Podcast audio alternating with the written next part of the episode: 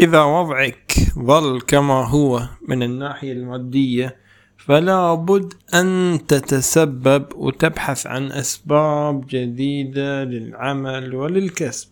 قد يكون في تقليص نفقات قد يكون في البحث عن مشروع جانبي أو عمل أفضل أيا كان الذي ستعمله اسعى في تنويع مصادر الدخل إذا كنت تريد الرزق.